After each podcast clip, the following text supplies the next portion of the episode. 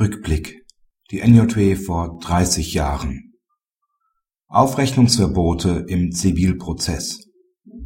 Das deutsche Verfahrensrecht lässt die Prozessaufrechnung grundsätzlich zu, sofern sie nicht im Einzelfall durch zwingende prozessrechtliche Vorschriften oder durch eine zulässige Parteivereinbarung ausgeschlossen wird.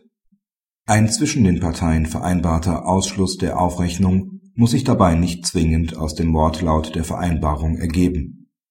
Auch eine Gerichtsstandsvereinbarung, die keine Abrede über die Aufrechnung enthält, kann ein vertragliches Aufrechnungsverbot bedeuten, urteilte der BGH in der NJW von vor 30 Jahren (NJW 1979, Seite 2477).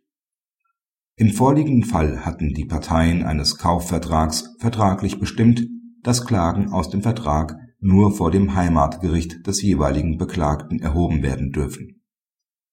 Diese Klausel brachte nach Auffassung des Gerichts eindeutig das Interesse beider Seiten an einem Aufrechnungsverbot zum Ausdruck.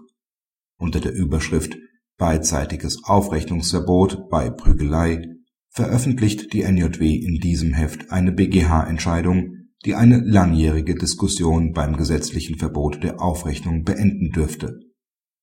Gilt § 393 BGB auch dann, wenn sich zwei Forderungen aus vorsätzlicher unerlaubter Handlung gegenüberstehen, die aus einem einheitlichen Lebensverhältnis resultieren? Das Aufrechnungsverbot besteht auch dann, stellt der BGH nunmehr fest. Anderenfalls bestehe eine nicht mehr hinnehmbare Rechtsunsicherheit ob die Voraussetzung eines einheitlichen Lebensvorgangs erfüllt ist